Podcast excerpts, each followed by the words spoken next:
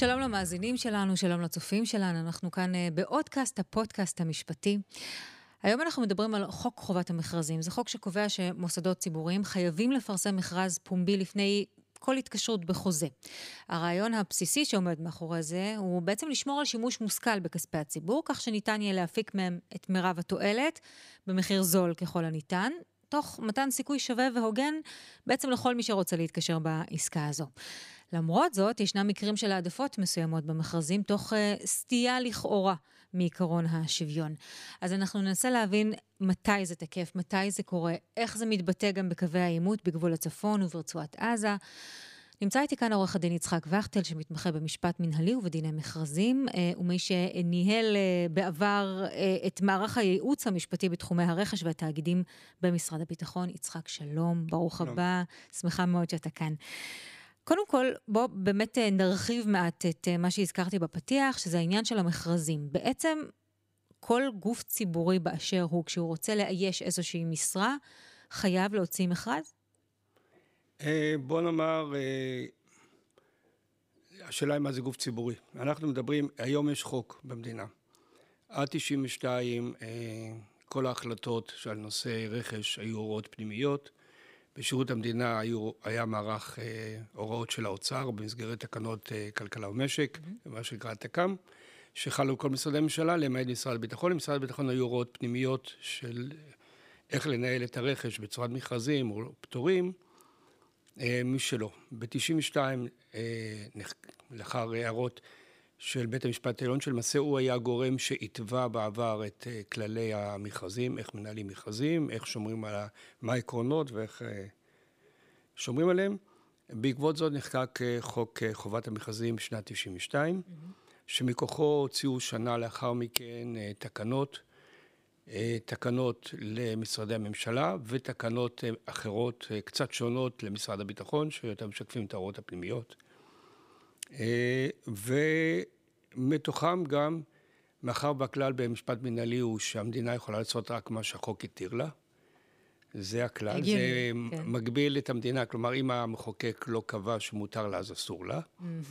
יפה, זו הגדרה מעניינת של חוק. זה הוויכוח שיש היום הרבה, מול הרבה גורמים בכנסת, שבאים ואומרים למה המדינה לא עושה, אז השאלה היא לחבר הכנסת, למה לא חוקקת? או למה לא כתבת את זה בחוק? יפה. ואני מניחה שהדבר הראשון אחר, אחר כך זה פשוט ללכת ולחוקק כדי... אה, כן, אבל עד שהם מחוקקים זה כבר מיושן. Mm. הבנתי. אה, וכתוצאה מזה אה, נעשו תקנות. אחד הדברים שהכניסו בחוק חובת המכרזים זה שאומנם מצד אחד קבעו שקודם חובת מכרז, שמדינה, כל תאגיד ממשלתי, מועצה דתית, קופת חולים, מוסד להשכלה גבוהה, לא יתקשרו בחוזה. Mm-hmm. שימי לב, אין שם רשויות מקומיות. נכון. הן מחייבות במסגרת אה, פקודת העיריות, יש להן תקלות משלהן שהן לא מגיעות לרמה של זה, ויש ויכוח שנים על איך מכילים עליהם את חובת המכרזים. יש מכרזים, זה פשוט התנהלות מגבילה אחרת. אחרת. מגבילה אחרת אה, ממקור חוקי אחר. Mm-hmm. כל עסקה של טובין, שירותים וכולי, חייב לבצע על פי מכרז פומבי, שנותן לכל אדם הזדמנות שווה להשתתף בו. ומצד שני כתוב לא יפלה עורך המכרז במציעים מחמת אה, מין, נטייה מינית, אה, גזע, מוגבלות וכולי. ארץ מוצא, השקפה או חברות במפלגה, כל זה לא יכולים למנוע. אה, אבל כבר על ההתחלה יש הסתייגות, רואים אפליה גם מצד אחד שאפליה של קביעת תנאים שלא ממין העניין, אם אתה מכניס תנאים שהם לא נוגעים לנושא, תהיה בגובה מסוים על דבר שבכלל אין לזה משמעות או זה. אה, למשל דברים, יש יכולת להליכה. באמת. יש בעיה, פעם היו, היו הולכים מבית לבית, כן. אה, חלקו דואר בבית לבית, היום כבר המושג הזה כמעט ולא קיים. אה, עכשיו, אבל אלה רואים בהבחנה שמאופיו של המכרז כאפליה. אז רגע, אתה אומר שמצד אחד באמת החוק לא מאפשר אפליה, אבל החוק במקרים מסוימים, שאנחנו מיד כן. נרחיב עליהם, כן מאפשר העדפה. נכון, והוא קובע, החוק קובע את העדפה, ובמסגרת החוק, אותן העדפות קבעו תקנות לעניינם. בואו באמת נדבר על העניין של העדפות, מתי, מתי זה קורה? באילו מקרים? למעשה, העדפה קורית, אה, היא... זה, הם מחייבים את אה, עורך המכרז לתת העדפות. ומפרסמים אותם. אבל העדפה ניתנת, בדרך כלל אדם צריך לבקש או להצהיר במכרז שהוא זכאי להעדפה. אז, אז מתי זה קורה? מי, מי רשאי לעשות את זה? אז זה ככה, יש אפליה, יש העדפה הראשונה שהיא העדפה חצי תיאורטית, שקוראים לה העדפת נשים בעסקים, שבו אה, הוא חל רק בסיטואציה שמקבלים שתי הצעות משוקללות זהות. אז אה, אם אחת המציעות, אחד המציעים זאת אה, חברה בניהול אישה, או בשליטת אישה, בשליטה וניהול אישה, אה, הוא, היא תזכה במצב כזה. זה מצב נדיר, לא... נכון. שתי, שתי לא הצעות זהות, אבל יש העדפה. כן, לנשים. אפשר לבוא לנשים. במקרים מסוימים. במקרה מאוד מסוים, אוקיי. אבל מה? היא צריכה להגיש בכל מכרז אישור חשבון על השליטה והצהרה שלה על השליטה. וגם יש תנאים של אם יש שם מנהל, המנכ"ל הוא במקרה גבר, הוא לא צריך להיות קרוב משפחה שלה, ויש לו כל מיני מגבלות. היא צריכה בכל מכרז להצהיר את זה על אותו אירוע תיאורטי, ואני כבר נתקל הרבה פעמים שאומרים, תעזוב אותנו, שהמקרה הזה... הפיצ'יפקס הזה אין לנו לא, אבל אם היא לא מצהירה, היא לא זכאית להעדפה. אז היא צריכה לעשות ממש השתדלות כדי לזכות בהעדפה. לזכות בהעדפה, היא צריכה להגיש ולהצהיר על זה okay. אוקיי. במכרז. אוקיי. Okay. העדפה אחרת, אה, מאותן העדפות אה, פשוטות, יש העדפה לעסקים זעירים, אה, קטנים ובינוניים. אוקיי. Okay. שזה, שזה בעצם, איך זה בא לקראתם, או באילו מקרים זה בא לקראתם? פה, פה העדפה היא אחרת. בהתחלה ניסו לתת העדפה זהה, הנוסח הראשוני היה זהה להעדפת נשים, ואז אני mm. בכנסת שאלתי איך אני אדע אם יש לי הצעה זהה, האם זה מפעל קטן זעיר או אישה נכון, למי נותנים. נכון. החזירו את זה, ואז קבעו פה העדפה אחרת, שאנשים לא נותנים את דעתם עליה.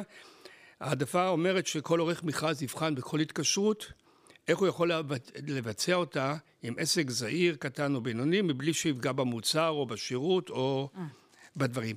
כלומר, לכאורה, זה מאפשר, בוא נגיד, אה, אנשים, אה, עורכי מכרז, אה, רצים ומכניסים הרבה תנאים.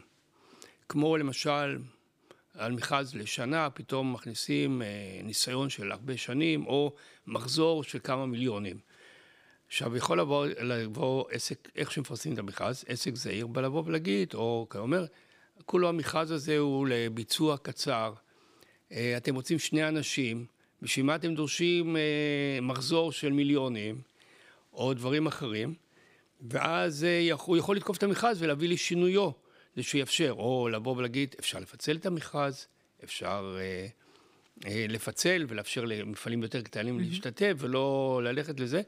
כלומר, כל עוד שזה לא פוגע בשירות או ביכולת לנהל את זה, אפשר, זה מאפשר לאנשים לתקוף, לא כולם מודעים לזה, שיש לנו פה פרצה שבו אתה יכול לבוא ולהגיד, לאורך המכרז, שכחת אותי. Mm. תראה לי בכלל ששקלת את זה. אוקיי. אם לא שקלת, תשקול. זה, זה פייר, אני חייבת לומר, כן. זה נשמע מאוד פייר.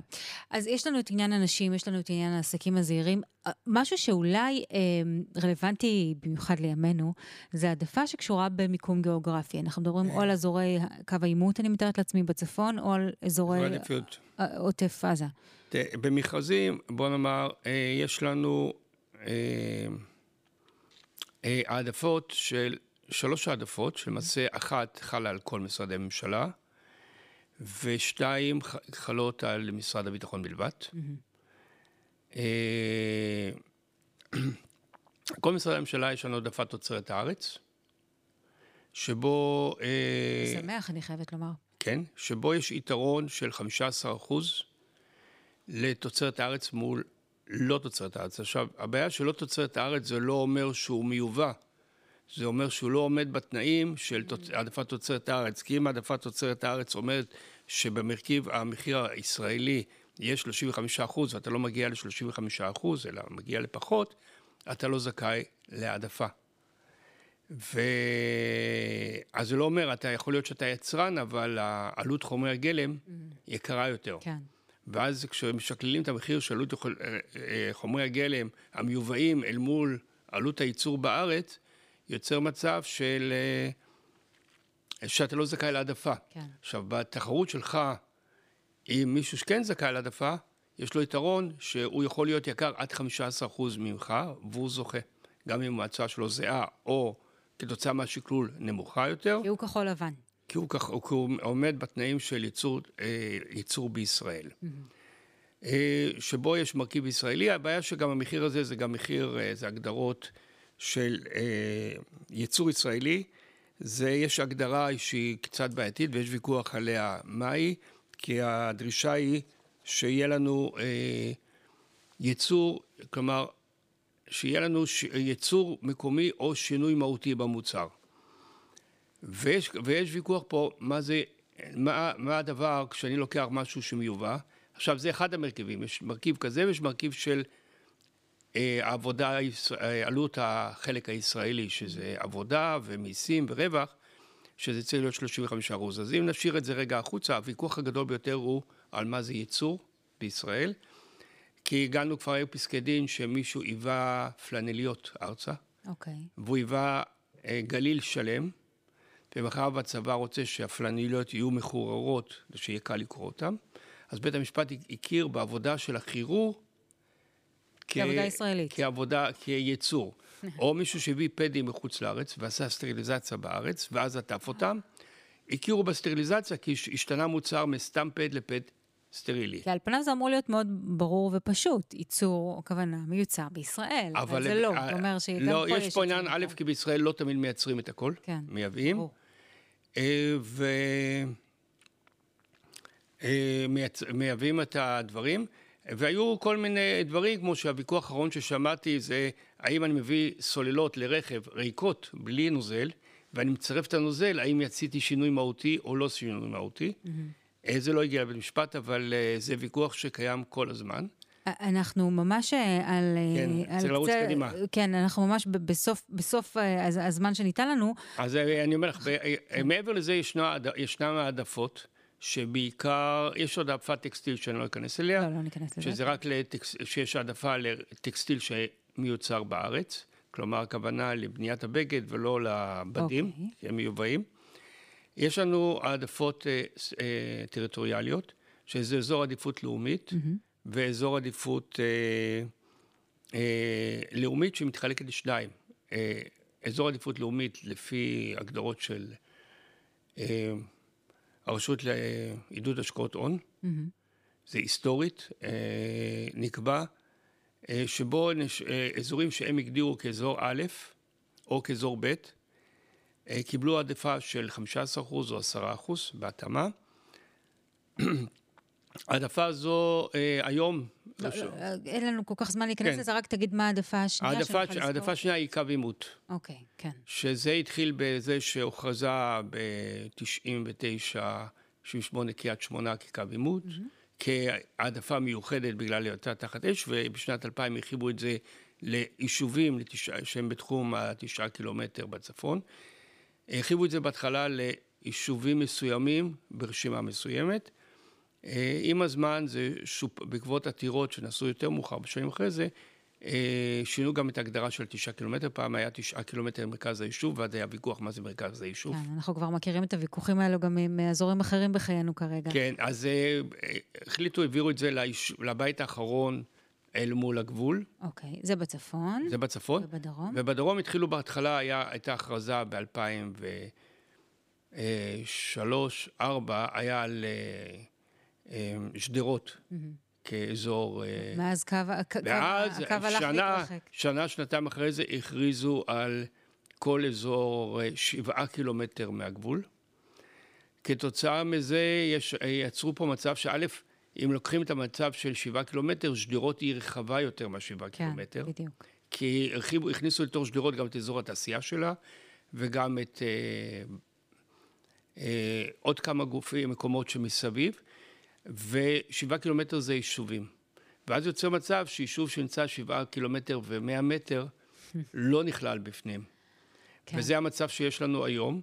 ובואו נראה אם שינויים שעשו בהעדפות אחרות דווקא, שהממשלה הכניסה לא במכרזים, אבל ההתנגדות הגדולה ביותר לשינוי ההגדרה של שבעה קילומטר לתשעה קילומטר, כמו בצפון, mm-hmm. וכתוצאה מזה למשל אשקלון תהפוך להיות קו עימות, שהיום היא לא זכאית לקו עימות בהעדפות.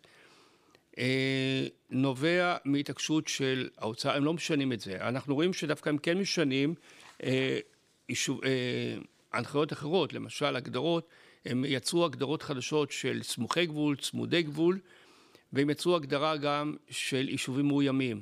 אז הם נתנו העדפה לאזור אה, איו"ש, ליישובים מאוימים ברמה 4-5, mm-hmm. או סמוכים לקו התפר, ושם ההגדרה משתנה.